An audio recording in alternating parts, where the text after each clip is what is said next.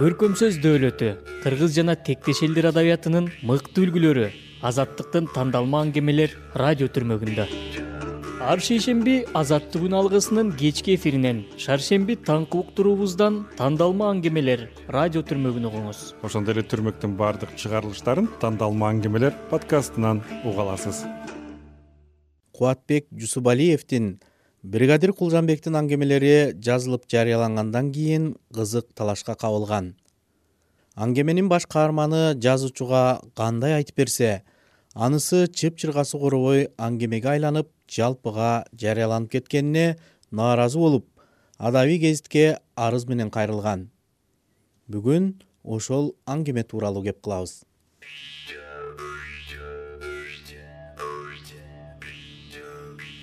кубатбек жусупалиев кино тартмай болуп кара кужурга барып калып ал жерден бригадир кулжанбек менен таанышып экөөнүн аңгемеси түгөнбөй элеттик сөзмөр бригадир таланттуу жазуучу менен дос болгонуна ыраазы кыйла күнүн киночулар менен чогуу өткөргөнүнө курсант болуп жүргөн окшобойбу жазуучуга көргөн билгенин коюлуштура айтып берген элеттик ак көңүл адамдын кызык баяндары жакса аңгемечини китеп жазчу сыйкырдуу адам менен тааныш туз даамдаш болуп калганы сүйүнткөн шекилдүү. Ушул аңгеменин кол жазмалары кыргызстан маданияты жумалыгында жарыяланып анын бар жогун эсинен чыгарып койгон автор кийин кийин кесиптеши олжобай шакирге мен кембагал эмнем кайда калганын кайдан билем? Ошол чыккан бойдон жоголуп кеткен кайда жоголгонун бир билсе алым токтомушев билет. Ошол балага калтырганмын мына мынча толтура бир колтук кагазымды ошол балага аманат деп кеткем. Элден оочо кеткем алайга деп отурбайбы. Аңгемелерди ошол эле олжобай шакир таап келип берсе автору жаш баладай сүйүнүп эй сен жаны жок экенсиң деп алкап отурат. Бригадир кулжанбектин аңгемелеринде айыл турмушунун сырт көзгө анча байкала бербеген өңүттөрү келки келки турмушу мозаикасы мыкты сүрөттөлгөн. Аны топтомго кирген баяндардын баарынан байкоого болот. Коммунизм заманында жыргап ичип жүргөн койчунун кара жуусак кою кышында талаада тууп козусунун бутун үшүк алып баса албай калса ага шакшак жасап бастырып коюп атпайбы. Кулжанбектин алыбек деген досу согуштан сол буту жок келген. Ошонун жасалма бутун көргөн соң козуга деле жасалма бут жасап байлап койсо болот тура деген ой келип байкуш жаныбар балдакчан жашоого өткөн. Ошол козу көпүрөктөн өтүп келатканда буту тыкылдап алыстан угулат. Байкуштун тыкылдагы угулбай калганда кулжанбек издеп чыгат. Тентек козу таштан ташка секирип так ойногондо буттан бут калабы жасалма бут козуну көргөндөрдүн баары таң калып ууду кеп айылга тез эле тарайт. Жанымда кошунам жумакадыр деген бар эле. Макиш да жок сурайын десем. Эмнеден сабак бергени эсимде жок ошонун жолдошу бар экен. Фрунзе колхозунда жашайт экен. Конокко келиптир. Жумакадыр эки музоону кошоктоп алып кара кужурдун боюна аркандап келгени барбайбы анан козу кошо барат. Бутун байкабайт. Козу жыгач буту менен тыкылдап басып баратат. Конокбай деген мугалим байкабайт. Туура айтасың. Конокбай да дайрага барганда гана байкаптыр. Кошоктошкон эки музоонун жанында туруп козу боюн салат да караса бир буту жыгач. Ой ой жорке жумакадырды жорке деп койчубуз. Бул эмне? дейт. Бул баягы таекенин кылганы. Бир буту үшүп калса жыгачтан бут салып койду. Ошол жерден баягы конокбай козуну көрүп күлүптүр. Күлүп атып эрибейби үнү чыкпай атат дейт. Таптакыр эрип баратат дейт. Карасам өлгөнү баратат дейт. Мен сага азыр айтып бергендей кийин жорке мага айтып берип атпайбы. Анан кара кожурдун боюна жете эле барып кичинекей суурдун эркегиндей мугалим болчу. Шилисинен бекем кармап туруп башын сууга тыгып тыгып алганда гана араң эс алды дейт. Аты конокбай болсо анан конокто жүрсө анан күлүп атып өлүп калса аны кайда ким эмдейт убакыт болсо өтө берди. Балдак шыйрак козу эртели кеч көпүрөктөн өткөндө анын тыкылдагын угуп баары ыраазы көпүрөк да. Анан бир күнү козунун тыкылдаганы угулбай калды көрсө койлорду ит кубалаптыр байкуш козунун буту ташка тийип жыгач бут сынып дагы жатып калыптыр. Козунун буту чоңойгуча үч жолу жаңыртылды. Кулжанбектин устачылыгы негизи мыкты. Колу бошой калганда бош отургусу келбей эрмекке ээр чабат. Бир жаман жери ал аялын балтасын тар бөлмөдөгү аспаптарын мактай берет. Курбулары аны ушул сөзүнөн кармашты мактаган балтасынын курчтугун сынаш үчүн чачыбызды кырып алып бер деп чыгышты. Түн бир оокумда.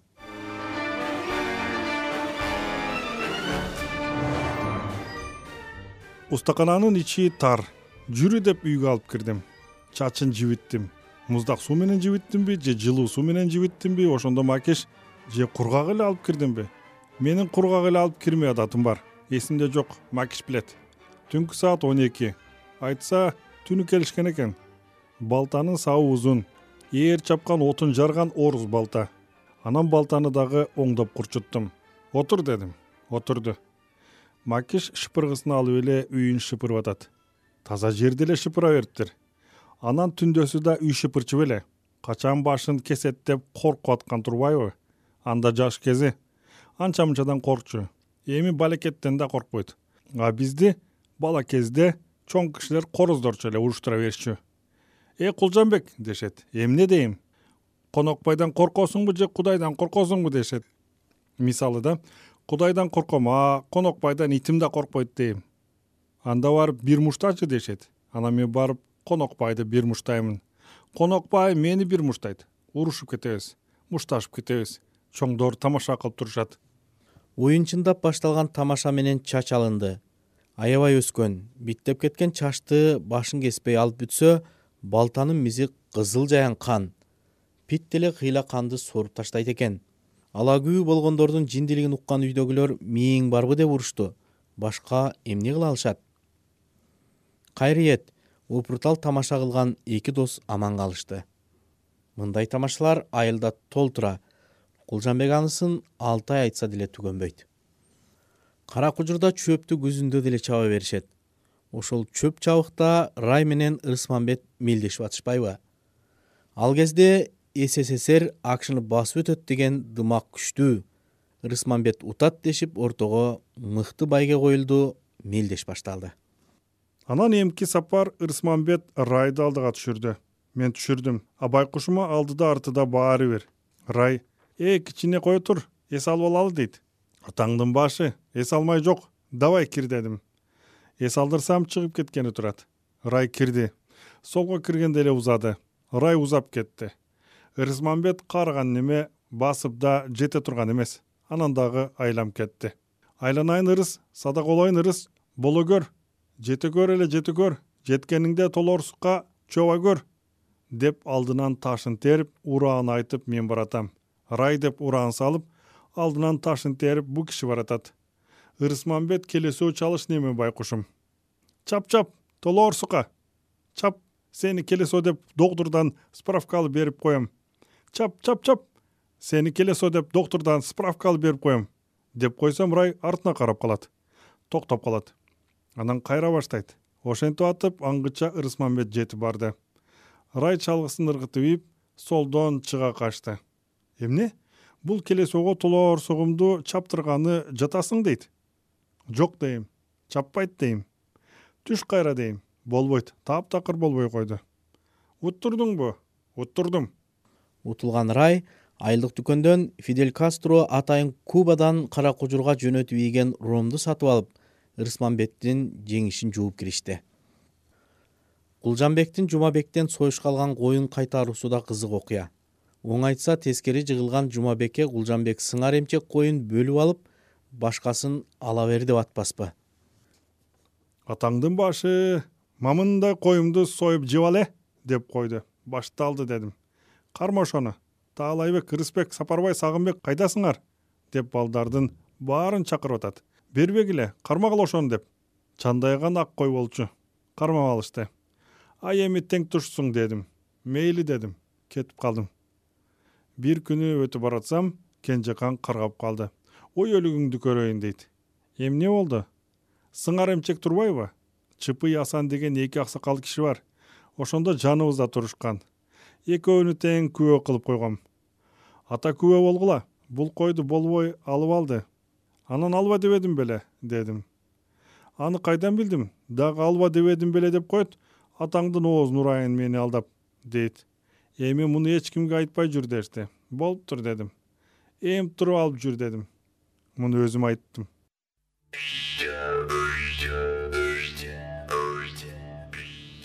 Айыл жериндеги ар кыл окуялар тамак жасашты билбеген ашпоз коңшусунун коюн уурдап союп алган карыя дагы башка окуялар баяндалат. Уурдалып союлган кой артелдин көмөкчү чарбасынын малы болчу. Кышында артелдин койлору картээп оттойт анан бир күнү кулжанбектин койлору коңшусунун койлору менен жанаша оттоп чоң кара кою тигилердин короосуна кошулуп кетти. Оюнда эч жамандыгы жок жаш бала кечиндеси келип алып кетем деп үйүнө келе берген. Түн кирип ай чыгып кышкы тынчтыкка көөшүлгөн айланадан бала коңшусу тараптан куйкумдун жытын сезди. Кулжанбектин жыт жылдыгы укмуш эле жыт алаар замат өлдү деп ойлоду. Байкуш чоң кара койду союп салышканын үйгө кире электе эле билди. Кызыл үңкүрдүн үч тарабы аска менен тосулган короодон өтүп боз үйгө кирсе жети сегиз жашар кыз очок боюнда отурат. Чала куйкаланган башты чыгдан жака ката коюп секелек кыз от жаккан болуп отура калган экен. Бала аны билди. Кара койду сураса чал менен кемпир балага анысы качып кеткенин айтып жакын жуутпады. Бала да көөшөрүп кой чыгданда деп туруп алды чыгданга тигилер кулжанбекти өткөрбөй болбой тырышып туруп алган тез сиерди сыртка түртүп чыгарып сабап киришти. Тышка алып чыгып алып сабады өлбөс жериме сабады. Мындай тепти андай тепти таяк менен чапты. Өзүмүн ыргай таягым эки бөлүнүп кетти. Арта сала чапты кетейин дедим оозума ушул келиптир. Кетесиңби? Кетем дедим. Аткарды бас кет деп артыман кубала калды энемден калган жок атамдан калган жок. Тампайган жер туруптур карынды төккөн жер экен дептирмин сынык таягымдын учу менен сайдым. Кум экен. Үйдүн ичинен хыхыхых деген бир үн чыгып калды. Койду эми мууздап аткан экен дептирмин атым өкүм болчу. Айтса аты жинди кашка. Сынык таягым менен бир чапсам кыйын ат болчу. Жаман боз үйүнө барып бир тийди. Качыр кучур деп калды босогосу кыйшайды кайра качтым. Качырбады. Кармап алды. Аттан оодара тартты. Килейген көк дөбөтү бар. Итин агытты. Абышка мени сабап атат. Көк дөбөт тонумду тытып атат. Көк ала койдой сабалган кулжанбек үйүнө келип чоң атасына болгон ишти айтты. Ал аябай ачууланып кошунасыныкына кеткен. Чыдай албай артынан баласы барса тигиниси кошуна чал менен жайма жай сүйлөшүп отурат. Тигилер өлүп талып карганып атышат бала уурдалган койдун катылган этин короодон таап чыкты. Эки кошуна эч нерсе болбогондой койдун жарым этин алып ата бала үйүнө кайтышты. Андан да кызыгы эки чал кийин кудаа болушуп кулжанбектин эжеси тигинин уулуна тийбедиби? Кара кой менен уурулук баары бир баланын эсинде калды. Бүгүн биз тандалма аңгемелер подкастында кубатбек жусупалиевдин бригадир кулжанбектин аңгемелери тууралуу айтып бердик. Даярдаган бекташ шамшиев окуп шөкөттөгөн айбек абдылдаев